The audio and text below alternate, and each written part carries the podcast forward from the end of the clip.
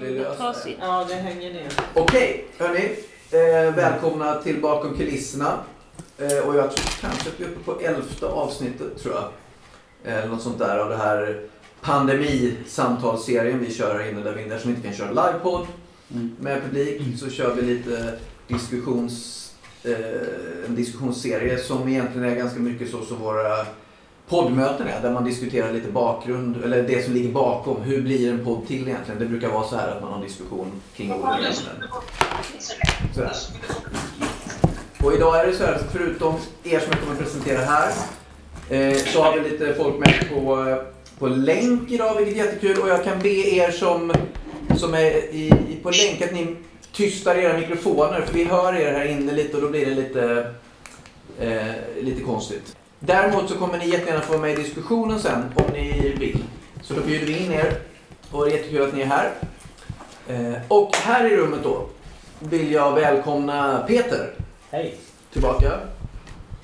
Maria är tillbaka Mm. här också. Hej, Välkommen. tack. Malou is back in business. Hej. Tack. Och Olof har dykt upp eh, diskussionsbenägen och på som vanligt. Mm. Välkommen. Jo, det, det vi snackade lite om i veckan här var ju att eh, eh, det vi egentligen ska prata om idag är lite kring skyldigheter, medborgerliga skyldigheter, medmänskliga skyldigheter. Eh, och det är ett övergripande tema.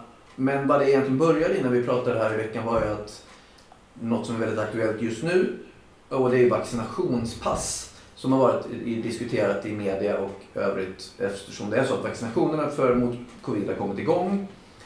Eh, och så finns det ju de som inte vill vaccinera sig och det snackas om att vi ska, eh, länder ska ha vaccinationspass för att man ska resa och sådär. Eh, och då har det blivit lite så att, att vissa tycker att det är ingen demokratisk det blir inte demokratiskt om jag, jag ju, behöver inte vaccinera mig men varför får inte jag åka någonstans än i så fall? Har vi någon som har tänkt på det här i veckan eller har ni funderat någonting? Vad är era spontana reaktioner kring det egentligen? Det är inte alltid helt eh, sammanhängande eh, resonemangen för eh, ibland, eh, ibland ofta, ofta är det att eh, visst man kan, det är väl säkert någon det är väl säkert någon sån här eh, att jag bryr mig inte, jag, jag, jag skiter i vilket om världen går under eller sådär. Men det är ofta någon, det är ofta någon sån här tro att, sån här misstro att det handlar om att det, det, det är något medvetet förtryck att de försöker förgifta befolkningen. Det är ofta någon sån som triggar igång den här, eh, den här eh, egoismen så att säga. Men egoismen menar du är i så fall att inte vaccinera sig eller? Ja, jo, precis. Att det, jag tror att det triggar igång att, eh, att när man har så så blir det lättare att eh, embracea så att säga, att omfatta sin egoistiska sida i det. När man, Mm. när man är så övertygad om att man är kontrollerad av någon som vill utrota en. Nej, jag tänker så här att eh, jag kan eh, samtidigt förstå att vissa är rädda för inte minst biverkningar då. För det har ju ändå förekommit liksom i förr, förr då. Jag tänker på fågelinfluensan och så här. Så att eh, jag tror inte att det bara behöver handla om att man inte bryr sig Mm. kanske. Utan det kan ju vara rädsla också tänker jag. Absolut. Men då, då, då kommer ju jag personligen till det liksom, då får man ju väga. Mm. Det är en risk också att inte vaccinera sig så att säga. Mm. Men det, det blir ju personligt beslut och det blir ju det. Mm. Och sen, sen det här med pass då. Så kan jag tänka att det får inte bli, som jag tänker, att, att man nästan behandlar folk som pestsmittade om de inte har. För det kan jag förstå, den rädslan. Mm. Men samtidigt så är man ju en- också de facto en, en, risk, en risk Mm. om man inte vaccinerar sig. Så att det är svårt, Mm. tycker det finns många aspekter. Ja. Ja, vad skulle du säga Malora? Du hade någon tanke? Nej, det sa väl kanske Maria redan, men det var väl lite det att det andra alternativet vet vi inte så mycket om. Att om man inte, eller om man får corona, så kan man ju få följdsjukdomar. Det har inte gått så lång tid så vi vet inte vilka följdsjukdomarna kan vara. Mm. Nej, vi ser ju det här långtidscoviden till exempel. Mm. Att det, Mm. det är ju Det kanske visar sig om ett par år, någonting dyker upp, att Mm. de som varit sjuka får någonting som en konsekvens av det här. Det vet vi inte. Nej. Definitivt. Tänker du någonting Peter om det här som med vaccinationspass? Ja, alltså eh, som jag har sagt tidigare någon gång så om andra länder kräver ett vaccinationspass för att vi ska kunna åka dit så är det inte vi som bestämmer det tycker jag. Det får ju de länderna besluta om. Vi, vi kan ju inte kräva tillgång till andra länders mark på något sätt om de inte tillåter det. Mm. Eh, däremot så tycker jag nog att det kan också gå för långt med de andra vaccinationspassen. Om man börjar kräva att man får inte åka buss om man inte har vaccinationspass Mm. eller något sånt där. Tycker jag är att gå för långt. Då, då inkräktar det för mycket på eh, det vardagliga livet för personer. Mm. Eh, Så det, det, det är jag lite orolig för att det ska gå så långt. Mm. Men än så länge handlar det mest om resor till andra länder. Men då är det ju en bit till och det är ju att det handlar inte bara om att när man kommer in i det andra landet, man ska vistas på flygplatser, man ska vara på flygplan. Är det rimligt att man sitter på ett flygplan och flyg, eh, smittar ner andra så kan man ju också tänka, och det ligger ju i vårt intresse även om folk åker till ett annat land. Är det rimligt att de kanske åker till ett land där det är mycket corona, kommer hem och smittar ner oss andra? Nej, nej, så är det ju. Eller precis. Jag tänker lite det här att, att eh, men det är ju alltid den här grejen som du lyfter Peter, att det finns precis, vad, vad drar man gränserna Mm. för, för eh, olika saker? Det här, ni vet det klassiska sluttande planet grejen. Eh, och samtidigt är det väl som du säger, det är ju svårt det här att man kan ju inte, hur ska vi gå vidare då? Om vi nu har det här vaccinationspass, eller om vi nu har vaccineringar som fungerar eh, på något vis. Och, att, och där kommer man ju in lite på skyldigheter tänker jag, alltså, som, som en underliggande diskussion. Att är, det en, är det en skyldighet att vaccinera sig i en pandemi? Ja, det tycker jag.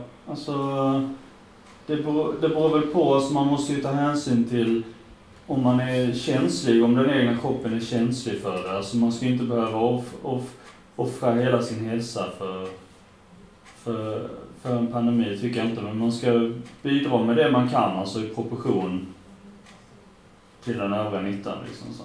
Mm.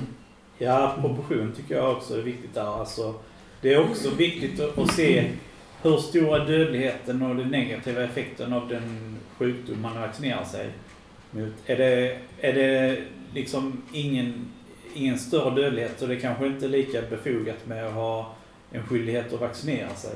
Mm. Men skulle det till exempel vara någonting sånt som eh, 80% dödlighet då, då blir det ju mycket större skyldighet att vaccinera Ja. sig.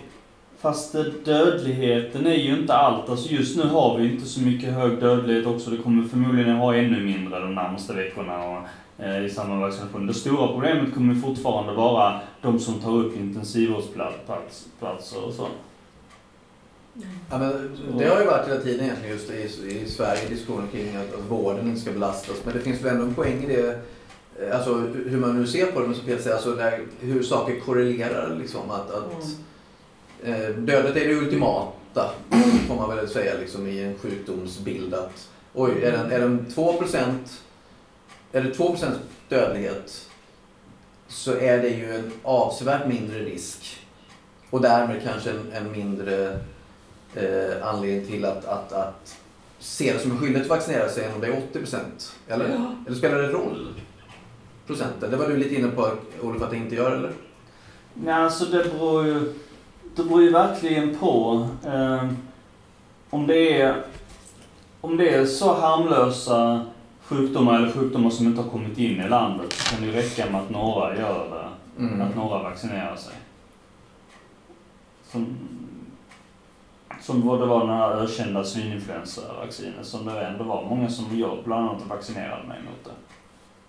Ja, och det tänker jag ligger väl också, som du var inne på Maria, för det var väl inte svininfluensan du kanske åsyftade där med att vi Ja, har också det. ganska nära en, en rädsla för vaccin med, med de här eh, narkolepsin som Mm. barn drabbades av.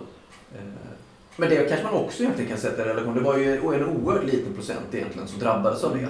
Men i, utifrån vårt efterhandsperspektiv Mm. så var, är det en sanning att det var ju det det var en enorm biverkning, även om det kanske inte egentligen var Alltså så. det var, det var, alltså anledningen som jag tänker som att det blev så stor grej var för att vi inte hann få full skada av det. Det är därför fl- fl- flest, fle- flest fall var kretsade, alltså uppmärksamhet kretsade kring biverkningar. Det var för att vi inte hade, att boten blev ju värre än vad soten han bli vid det tillfället. Mm. Att det inte han bli någon, någon pandemi i Mm. Sverige. Nej, och och då, då minns ju folk bara, då tänker ju folk bara på det. Alltså, ett, ett, ett, som inte var lika alls närheten av lika många, liksom en hundradelen så- som Mm. drabbades av det här som drabbades av corona. Liksom. Så Mm. tänker folk på det, tänker folk på det biverkningarna av vaccinet som att det, det är det som är den stora fasan när det gäller pandemin snarare än pandemin i sig. Jag tror inte att det kommer vara så den här gången för Mm. att vi är så mycket hårdare drabbade av det här än vad vi är av svininfluensan. Mm. Men, men jag tänker tillbaka till det med vaccinationspass. Det är ju ändå intressant ur, ur olika, det teoretiska perspektivet kring det där med, med, med skyldighet. Man, eh, liksom, man kan, vi pratade lite om det här i, i veckan. ju. Det, jag tror att det var du Marita som är med på länk där som sa att man kan ju inte tvinga någon att ta in någonting i kroppen. Eh, sådär. Så att det är svårt att säga till att man kan ju prata om ett moral, en moralisk skyldighet liksom, såklart utifrån dödstal, utifrån risker och sådär. Men man, det är ju väldigt svårt samtidigt utifrån personlig integritet att, att tvinga någon att ta in någonting i kroppen. Eh, men gäller samma sak med effekterna då till exempel av ett vaccinationspass då? För det är det som mycket av upprördheten har varit. Där att, ja men vad fasen, jag ska ju inte behöva vaccinera mig, det är min personliga integritet. Men jag ska ändå få göra samma saker. Mm. För att annars påverkas min personliga integritet och sfär på det sättet. Nej, jag känner så här att ja, men det är ju en verklighet bakom allting. Man kan ju Mm. inte bara sitta och säga... Jag menar, var och en får ju ta, ta ansvar för sitt alltså beslut. Men om man nu inte vill, vill vaccinera sig till nu då, Mm. ja, då kan man ju inte gärna hoppa, kräva att få göra, kanske åka då, resa då. Mm. Kan jag tänka. Men sen kan jag tänka så här. Som sagt, var går gränsen? Eller var kommer gränsen att gå? Kommer arbetsgivare att kräva, Mm. till exempel? Mm. Att, att alla vaccinerar sig, Mm. vissa. Mm. Eller som du sa, eh, för att åka buss eller inte vet jag. Mm. Det vet, det vet jag inte. Mm. Peter? Ja, eller alltså... Eh, Olof han nämnde det här med skyldigheten att, att minska vårdens eh, påfrestning där. Mhm, Att, mm. att man upptar intensivvårdsplatser och sånt. Mm. Jag tänkte på det, då kan man också säga så att om man inte jobbar, då kan du minska BNP. Ja, fast det är inte riktigt samma sak. Ja, ja, men liksom var ska man dra gränsen alltså för vilka effekter man får lov att och liksom tynga ner samhället med om man inte vaccinerar sig. Alltså jag, jag tycker det är nästan lite för mycket och säga att man ska ta ansvar för vårdapparaten. För att, Ja, men det är det, vi mat, det är det vi förväntas göra i dagsläget. Och det är väl på sätt och vis, eftersom man har, här har man ju en möjlighet att agera väldigt lätt på individnivå. Det är ju inte alla som har, man kan ju säga när det gäller arbetsplats, att inte jobba så kan det, så kan det, så kan ju det vara att så, så ligger det ju mycket, ändå mycket mer, mer på individnivå, även om man såklart kan rent teoretiskt säga samma sak också, att vi inte kan ha för hög arbetslöshet, att vi måste vara någorlunda sysselsatta, att det gäller men, eh, men jag tycker när, när det gäller en sån här stor sak, när det ändå är så mycket, när det ändå påverkar så mycket mer så, så tycker jag att det är väl det det är väl därför man uppmanar folk för att de inte ska bli mer belastade än vad de redan är. Alltså, de är belastade i vanliga fall och de är ännu mer belastade nu, betydligt mer belastade nu. Men sen kan jag tycka att det går lite långt när man ska uppmana folk att hela tiden må dåligt över hur andra, ja men ska du, ska du, ska du verkligen iväg, ska du verkligen iväg, eh, ska du verkligen iväg, iväg eh, på, på familje, släktkalas nu? Tänk på alla de som sliter i bla. Det, Och där tänker jag, där kommer man in på det här med skyldigheter. Alltså, för du sa ju alldeles nyss Olof att man hade en skyldighet att vaccinera sig ja. ur ett samhälleligt ur en samhällelig plikt liksom på något sätt när utifrån Ja. risk sådär. Ja. Och är inte det samma sak då? Att om man nu vet att de, så här, ja men risken är ganska hög att om jag åker iväg på den här resan till exempel Mm. till fjällen eller vad det nu är. Ja. Så kom, då ökar risken ganska betänkligt att jag kommer ta med mig någonting hem. Mm. Eller smittas av någon annan eller smitta någon där uppe. Ja, är det väl samma skyldighet då? Det är samma skyldighet, eh, tycker jag. det och det är därför jag själv aldrig har eh, åkt iväg på något eller varit i sådana här stora sammanhang. Utan jag tycker alltid det är... Eh, Däremot så tycker jag att det finns väl en gräns också för hur, hur, hur dåligt samvete man ska ge folk när det gäller hur, eh, hur, eh, hur folk lever. Att man typ eh, kräver av alla att de ska vistas fem meter från varandra. Liksom sådär. Det tycker jag folk vet. Vi vet, vet redan nu det var vi har en massa restriktioner. Man behöver inte gå med ännu mer, försöka kräva oss ännu mer restriktioner än vi redan har kan jag tycka. Den skyldigheten du nämner Olof, menar du laglig skyldighet eller moralisk skyldighet? Eller något annan typ av skyldighet? Ja, jag menar moralisk skyldighet. Ja. Det har varit lite så här skuldbeläggning som har kanske gått lite väl långt ibland i vissa sammanhang, kan jag tycka. Eh, som det var på midsommar. Åh, ska ni verkligen träffa andra på midsommar? Då riskerar ni... Ska ni verkligen... Ska ni verkligen, eh, ska ni verkligen eh, ha midsommarkalas med era vänner med barn då? då kommer det, det, det ska man inte göra. Man ska inte träffa varandra. Så tänk på vårdpersonalen. Och det, där tycker jag det går lite långt. Nej. Men samtidigt, vad ska man göra åt det? Det är ju vad andra människor tycker och tänker. Mm. Det, Mm. det kan man liksom inte lagstifta om, typ att de inte får tycka så eller säga så. Nej, det är just vad jag tänker just med lagstiftning som vi kommer komma in lite på kring skyldigheter här. Men innan vi gör det, jag vet inte om det är någon annan. Nu sprang Marita iväg såg jag, någon har släckt ner sig. Är det någon som lyssnar som har någonting kring det här med just vaccinationspass och vaccine, liksom vaccinationer? Någon, någon, några reflektioner utifrån vad vi har pratat om här?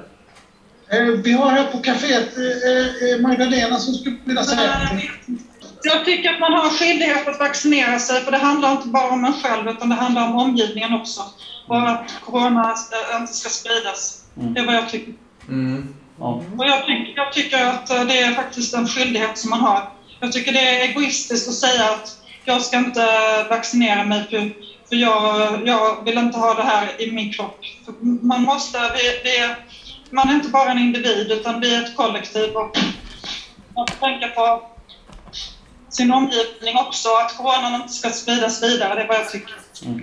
Tack, stå kvar Magdalena. Jag tror Malou har Ja. tillbaka. Menar du oberoende av anledning då? För det kanske är att man är paniskt rädd för sprutor eller paniskt rädd för biverkningar eller någonting sånt. Det kan ju Ja, finnas men- olika anledningar till varför man inte vill vaccinera sig. Ja, vet jag inte riktigt, men jag tror att jag tycker att uh, Oavsett. Mm. man ska ta vaccinet faktiskt. Okej, tack Magdalena. Ja, tack. Jag tror Marita, var det mer där ute? Eller Marita tyckte jag såg eh, vifta också. Men hör man inte henne? Ja, eh, hör ni mig eller?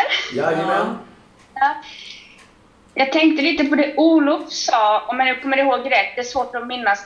Någonting sa, du sa Olof att man ska inte kanske tycka så mycket om andra gör, gå på fester och ordna saker och sådär. Alltså det beror på. Det beror lite grann Vänta, på så länge man Olof, gör, Olof, gör det med förnuft. Vänta lite. Ja. Låt Marita prata färdigt. Ja. Och, och då tänker jag så här, jag har tyckt ganska mycket under det här senaste året, alla som inte följer restriktioner och sådär. Och det måste jag också få tycka att det är oansvarigt. Eh, och jag kan bli förbannad på Sälen-människor och fester och demonstrationer och allt så här. Eh, för det är lika oansvarigt tycker jag i så fall som att inte ta en spruta eller ta en vaccination. Ehm, och det tycker jag, och det står jag för liksom. Mm. För det är också att föra smitt- smittan vidare. Och det är ju ännu värre eh, under året som har varit, för vi hade inte ens vaccination. Nu har det börjat lite grann. Mm. Men, eh, och då kan man ju faktiskt orsaka någon annans död. Det tycker jag är jättehemskt att folk inte har... ehm, vi pratar om, vad är det vi pratar om Per? Det här med själv... eh, Jag hittar inte det ordet nu. Eh, ansvar inför andra eller... Har skyldighet Ja. inför andra. En...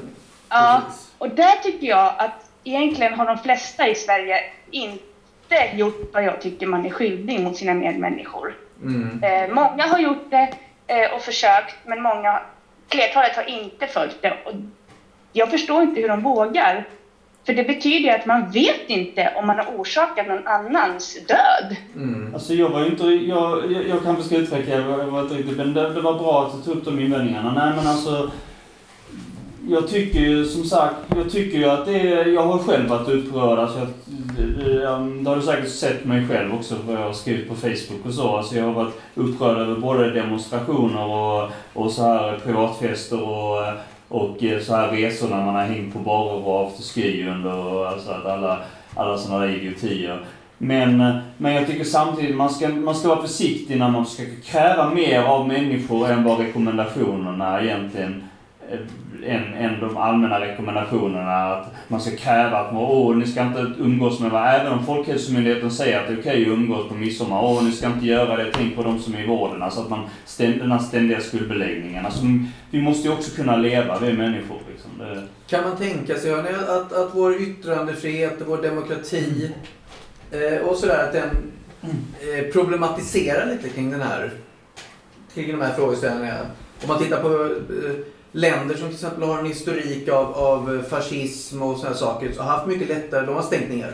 ja. Det har bara stängts ner. Mm. Eh, Medan vi eh, då har haft rekommendationer, vilket då å andra sidan kanske leder till precis här, men då ges det också en, en, en möjlighet att ja, jag tycker så om de här, jag tycker så och jag har läst på och jag tycker det här. Mm. För då är man inne kanske lite på det du var inne på. Var går gränserna då? Mm. Eh, vad, vem bestämmer? Vem säger vad man får göra? Sådär. Eh, och väldigt många ropar på, på väldigt så här, nej men nu får de fan sätta ner foten och bestämma. Mm. Kontra då att äh, jag bestämmer själv. Alltså, förstår du vad jag menar? Skulle Ja. demokratin i sig vara ett... Jag tycker, jag är lite naiv kanske, men jag tycker sunt för jag tycker att man ska kunna man ska, kunna, man ska lyssna på rekommendationer. Utöver det så ska man använda sunt förnuft. Mm. Vem bestämmer sunt förnuft då? Ja, exakt. Eh, förlåt, jag att Det ska, borde man ha själv, tycker jag. eh, ja. eh, jag ska bara se det viftas ut i, i kaféet. Varsågoda. Eh, goddag. Eh, vi har Kristoffer som skulle vilja komma in i, i leken. Välkommen Kristoffer.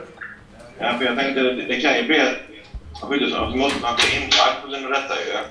Och då tar man mycket kraft i sjukvården. Det blir alltid ont om ju. Det kräver ju mycket av som är inlagd och måste tänka så också. Helt rätt Kristoffer. Det är lite det som Peter tog upp här innan också. Förlåt, du ska få komma in Peter. Men just det här det finns ju så oerhört många aspekter vad gäller och, och idéer om kostnader. Vi har ekonomiska kostnader, mentala kostnader, eh, känslomässiga kostnader, eh, kollektiva kostnader, individuella kostnader. Där vi inte vet ju som du sa Malou att det tar ju många år. Ja, men så är det ju alltid. Man måste, inom sjukvården så har man ju alltid...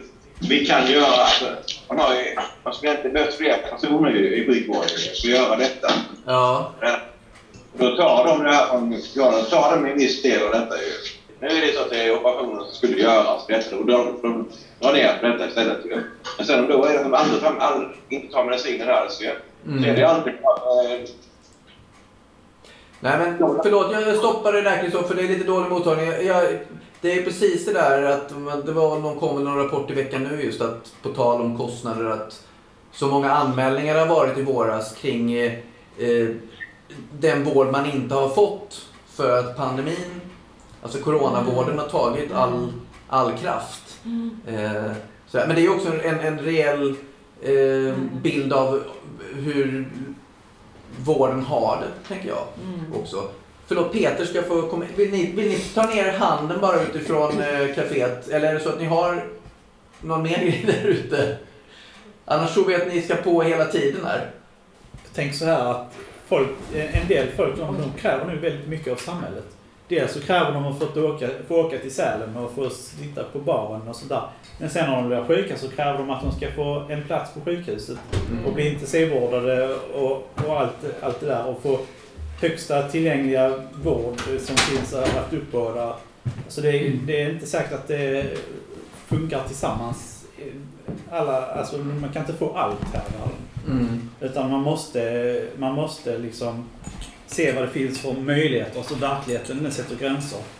Och då kommer det in en skyldighet att, att eh, begränsa sig lite kanske vad man kan. Man ska inte gå på värsta festen eller kanske, kanske är bra om man vaccinerar sig om man inte har har, har man ingen verklig bra anledning att inte göra det så kanske man ska vaccinera sig.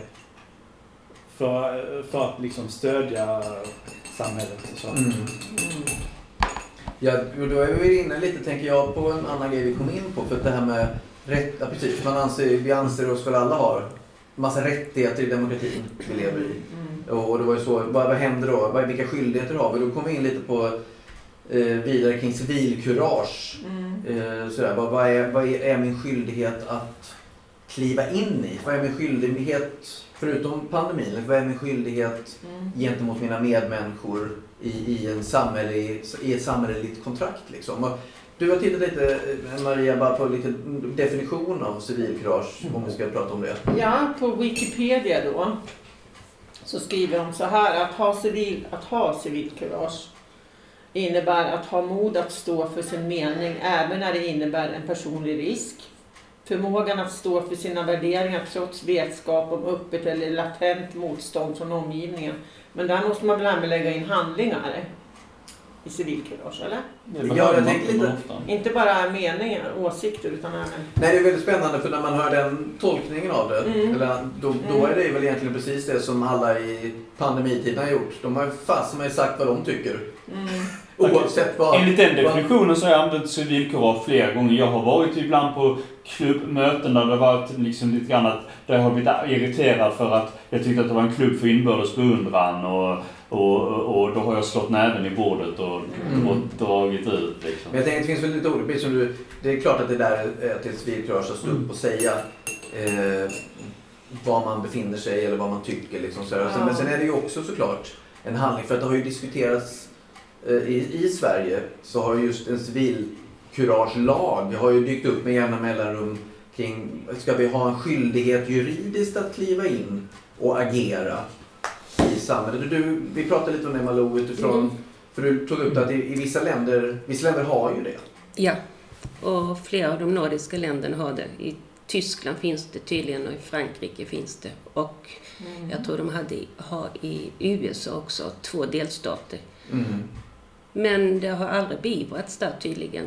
Är det så? Att man inte har ingripit. Lagen finns men det har, det har aldrig fått några konsekvenser. Så det är ju, men här fin, jag hittade någonting om vad som gäller i Norge. Och där är det att man, den som där har man definierat det som att den som underlåter att hjälpa någon som befinner sig i uppenbar livsfara döms till ansvar. Så det kan väl vara lite olika hur man beivrar och var gränsen går också. Mm. Det kan ju vara, när man diskuterar det, det kan ju vara, ska man ingripa när man ser någon begå ett brott till exempel. Så det är ju Mm. lite olika. Mm. Ja, där drar de någon slags gräns. Ja, eller ska man hjälpa någon som är på väg att drunkna typ? Alltså vad... Mm. Jag skulle, jag skulle säga det att det, det har ju ett argument som har fört när vi diskuterade lite grann innan vi kom fram till det var eventuell, eventuellt motstånd mot civilkuragelag. Alltså just det här att man kan vara, om man har den här krav att man är rädd om sitt liv så kan det vara att, att man ingriper och någon har hållhake på en. Att man kan få det, att man tvingar då med lagmässigt folk att, ja, att, eh, att agera tjallare så att säga. Att, eh, att, att utsätta sig för personlig risk. Där kan man men tycka att där, det är väl i och för sig en invändning men samtidigt kan man tänka att eh, statusen då, det blir mer status att om man, om man nu vet att man har lagstadgad skyldighet att göra det, behöver man inte framstå som golare på så sätt alltså att det, det om man ändå Man tar bort det individuella ansvaret lite. Vad sa du? Man tar bort lite det individuella ansvaret. Ja, och då får man också lite, tänker jag, då får man också lite, då blir det ändå lite att jag måste följa den här lagen. Så jag tänker den, den aspekten, visserligen finns alltså, men om, om man har det att man måste följa det här och man blir också uppbackad av lagen om, om man gör det istället för, tänk, tänker jag lite grann. Mm. Jag tänker då på några argument, som man, eller några skäl mot en sån lag som framfördes efter att en utredning hade, som, eh, som framfördes, äh, den presenterades 2011. Men då menar man bland annat att en sån lag inte får någon effekt och menade att när det är en krissituation då handlar man spontant och funderar man inte överhuvudtaget över vad lagen säger. Mm. Och en annan grej skulle kunna vara att då får man inga vittnen kanske. Ingen, någonting har hänt. Då är det ingen som vill rapportera eller anmäla eller vittna om det. För då kan de åka dit själva. För de Mm. båda har ingripit om det funnits en sån lag. Just Det är lättare att bara, hålla sig borta då. Liksom. Ja, Mm. Och samtidigt har vi då också, jag tänker lite på det, att- men, men är inte det någonting man lär sig också? Mm. Alltså, jag menar, som invändning mot den invändningen just att är inte civilkurage någonting vi lär oss? Alltså, är- är- för det kan väl inte vara någonting man bara bär med sig? Mm. Eller? Ja, jag, tror, jag tror faktiskt att det är mycket sin egen moraliska kompass som man då förhoppningsvis har fått av sina föräldrar då. Mm. I någon, någorlunda... Eller så känner jag, Mm. för min egen del. Mm. Eh, så jag tror inte att det är, ja vad ska man säga, en instinkt eller ja, jag vet inte. Det kan det väl också vara. Men, Mm. men jag tror ju att man påverkas mycket av hur man fostras. Och, Mm. tror jag. Alltså, jag tycker på den här definitionen av civilkurage, att man ska stå upp för sina egna åsikter. Mm. Men tänk om man ser någon som håller på att drunkna så anser jag att den som är i vattnet bör dö. Då, då funkar det inte. Alltså, Nej. då, Oh, det är ju han ju. Ja, skit i honom. Ja, ja precis. Mm. ja, men då, då har man ju stått upp för sin civilkurage för det är ju allmänt oacceptabelt Ja. att låta någon medvetet dö genom en drunkning. Mm. Men ändå så står man upp för civilkurage för, Ja. att, för att man har den åsikten. Höjden av civilkurage. Precis.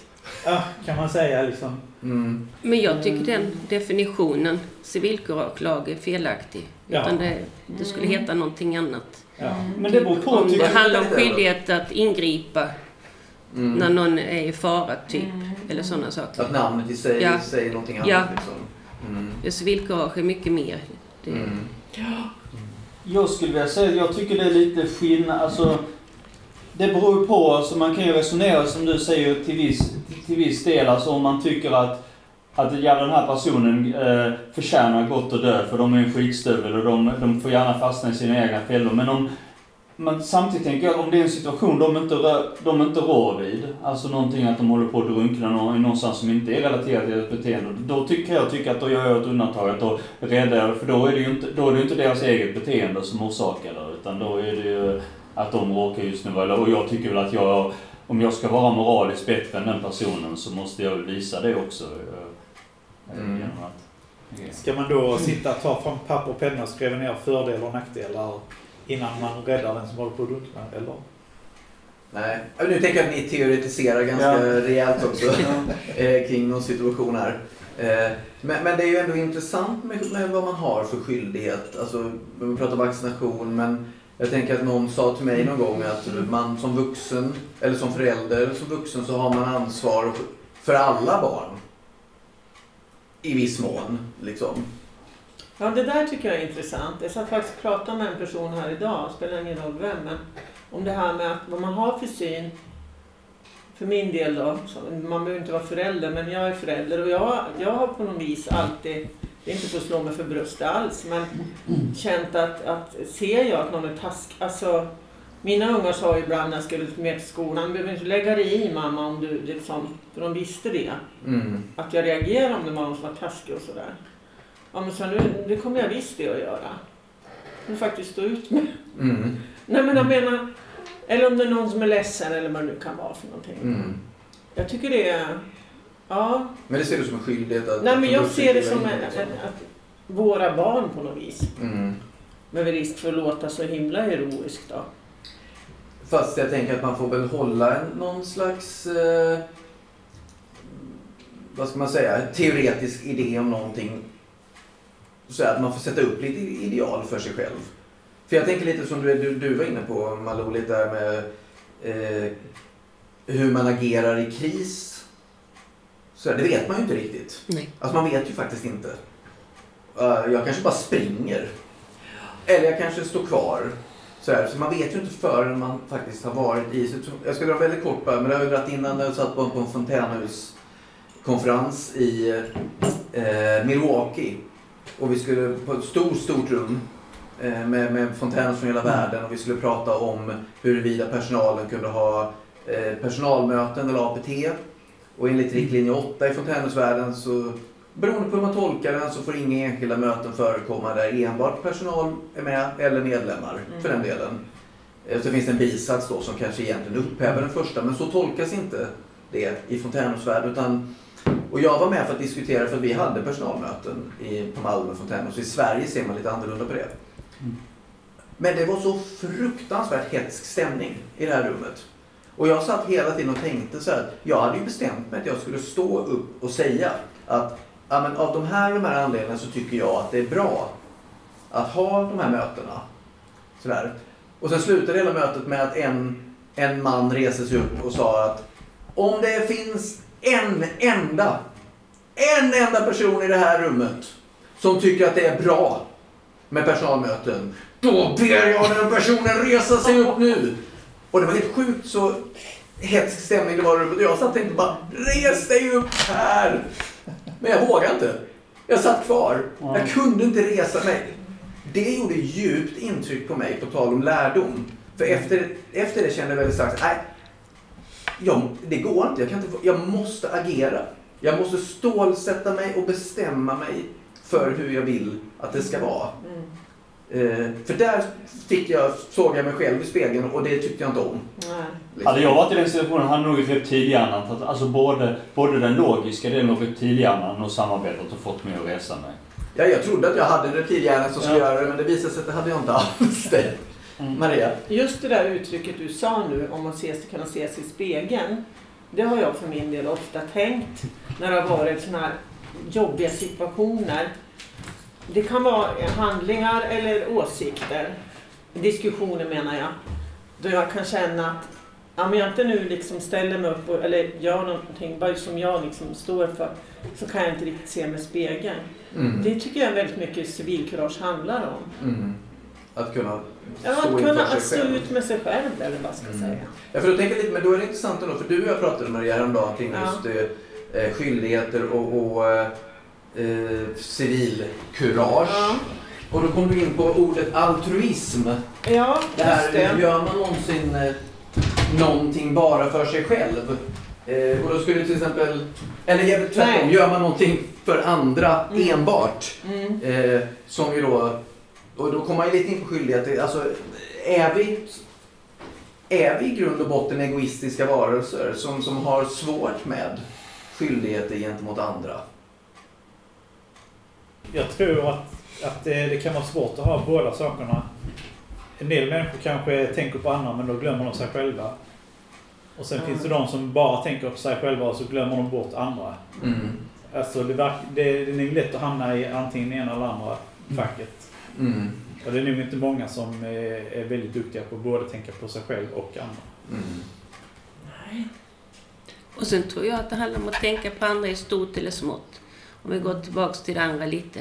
Är man beredd att offra sitt eget liv för, att, för någon annan?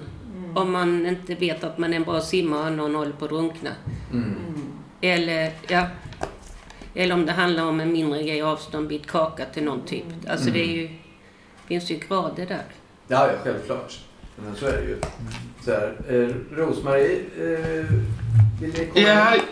jag vill säga att jag behöver lära mig att tänka mer på mig själv. Jag tänker alldeles för mycket på andra.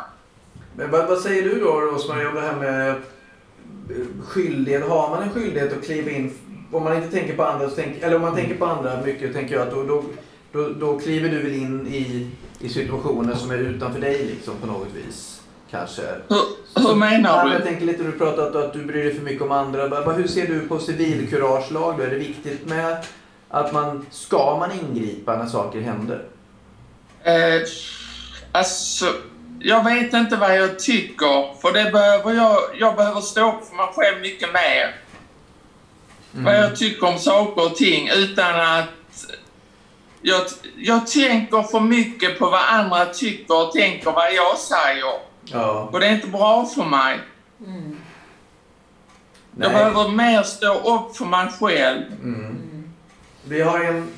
Tack Rosmarie. Vi har också eh, Buster och kaféet där ute som vill komma in. Eh, jag har Christer här, Kristoffer som vill säga någonting. Som innan jag skulle opereras när jag hade epilepsi då va. Då fick jag sån att det började bora lite grann. Och sprang med eh, händerna på huvudet och sådär va. Då brukade det vara att det sprang fram då ett par personer till mig då ju. Men sen ibland så stod det andra liksom... Jag kommer inte ihåg det själv, men det folk som berättade det. För sen stod liksom och filmade och sånt. De tycker det var roligt och sen att visa för... Det finns något annat med så, vissa saker så här, andra som kämpar alltid, som gör allt och de ringer ett väst och då, så här ska vi göra och allting liksom. De kämpar alltid, men sen är det andra som tycker, eh, tycker det är roligt att peka på det och film, eh, filma och sånt. Ja, det är ju fruktansvärt. Det är ju en, en, en Mm. tids, tids eh, markör som inte är allt för rolig. Det här eh, hur vi får möjlighet att, att betrakta utifrån istället för att agera. Eh, såklart. Jag vet någon gång var det någon bekant som också var med och sprang fram mot någon sån som höll på så var väldigt arg. Mm. Ja. Ja, Men, alltså, det är de som tänker så. Tänker inte på andra, de tänker på sig själva ungefär. ja. Ja, men jag förstår det Kristoffer. Tack. Vi tar in Maria här.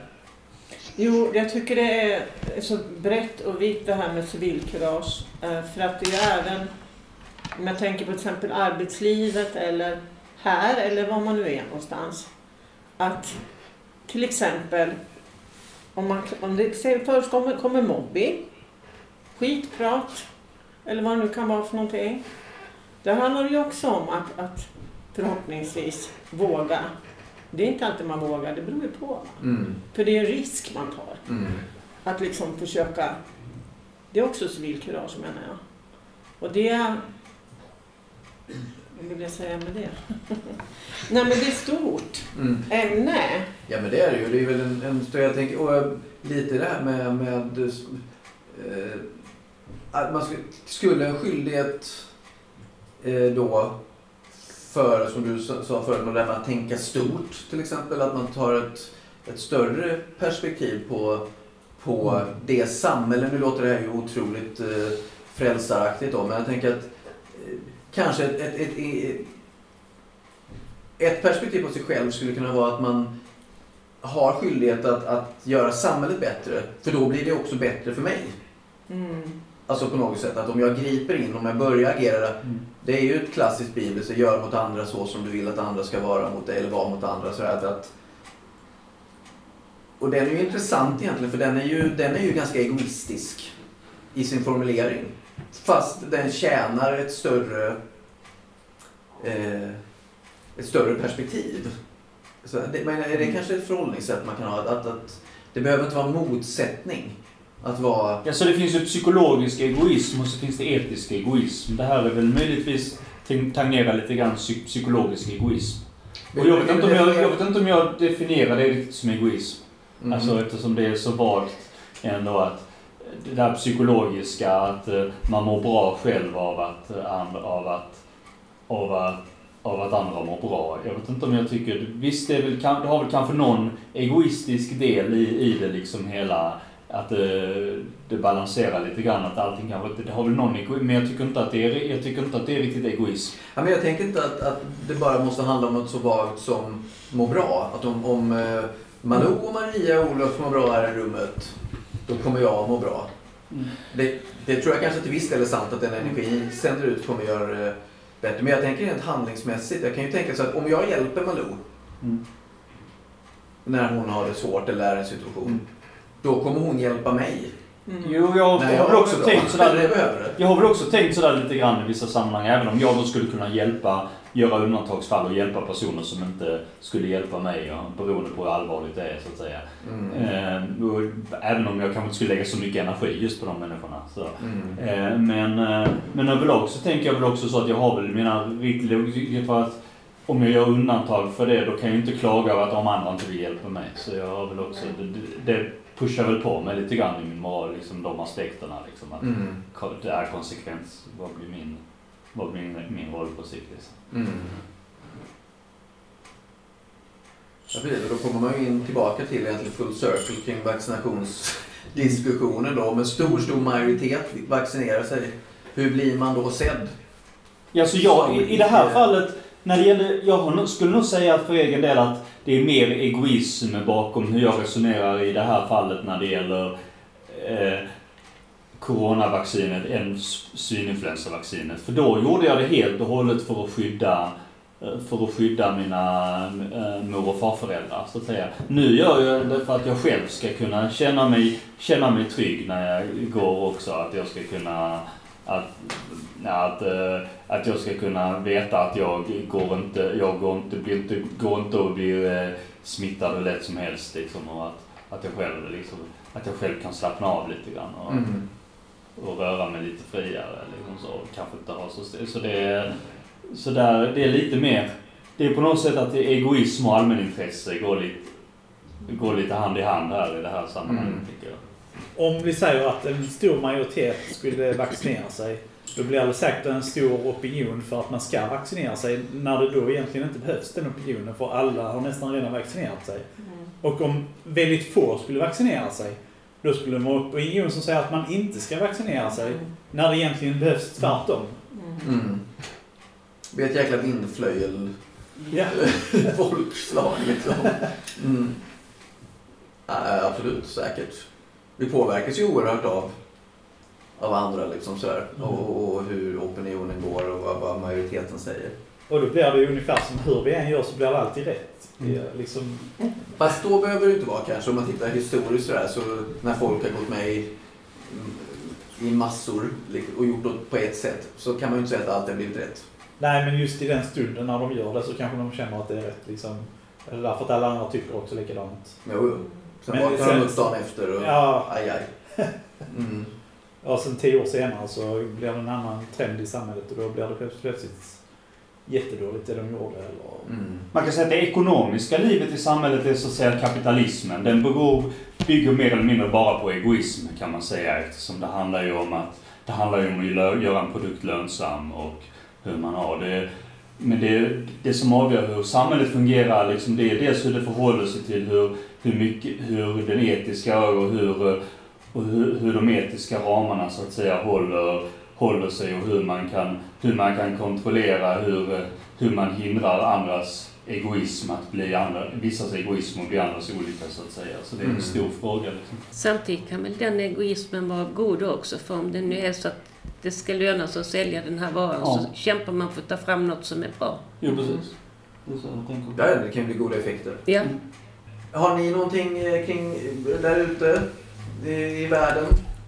Ja, Rosmarie och sen eh, Marita. eh, jag vill säga, jag tittar på Malou idag och eh, då tog de upp om det här med vaccinet.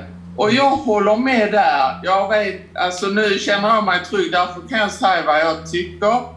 Det är att om man tar eh, det här vaccinet så blir det att man skyddar sig själv, men man skyddar andra också. Och den första som tog sprutan i Sverige i år, det är så att det är som biverkningarna som kommer. För jag hör att det är så många som är rädda för biverkningar och sånt. Men jag har fått höra att man får feber ett dygn, sen går det över. Det är inga sådana eh, vad heter det, biverkningar som är jobbiga. Så jag personligen tycker man ska ta sprutan och det, jag tycker det är en skyldighet. Ja. Jag tycker inte vi ska vara rädda för biverkningar, men det är vad jag tycker. Mm.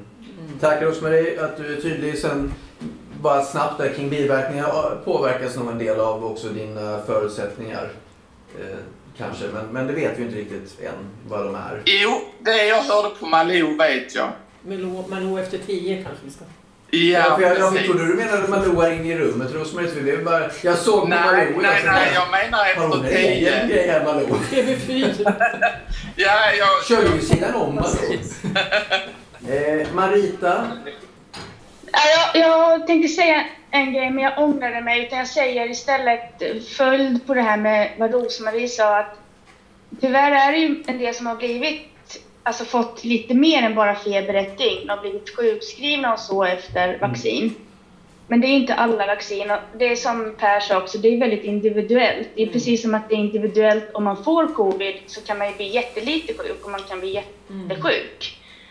Så vaccinet tar nog också olika på olika människor och vilket vaccin. Och så, man kan inte veta men ja, det var bara det jag ville säga.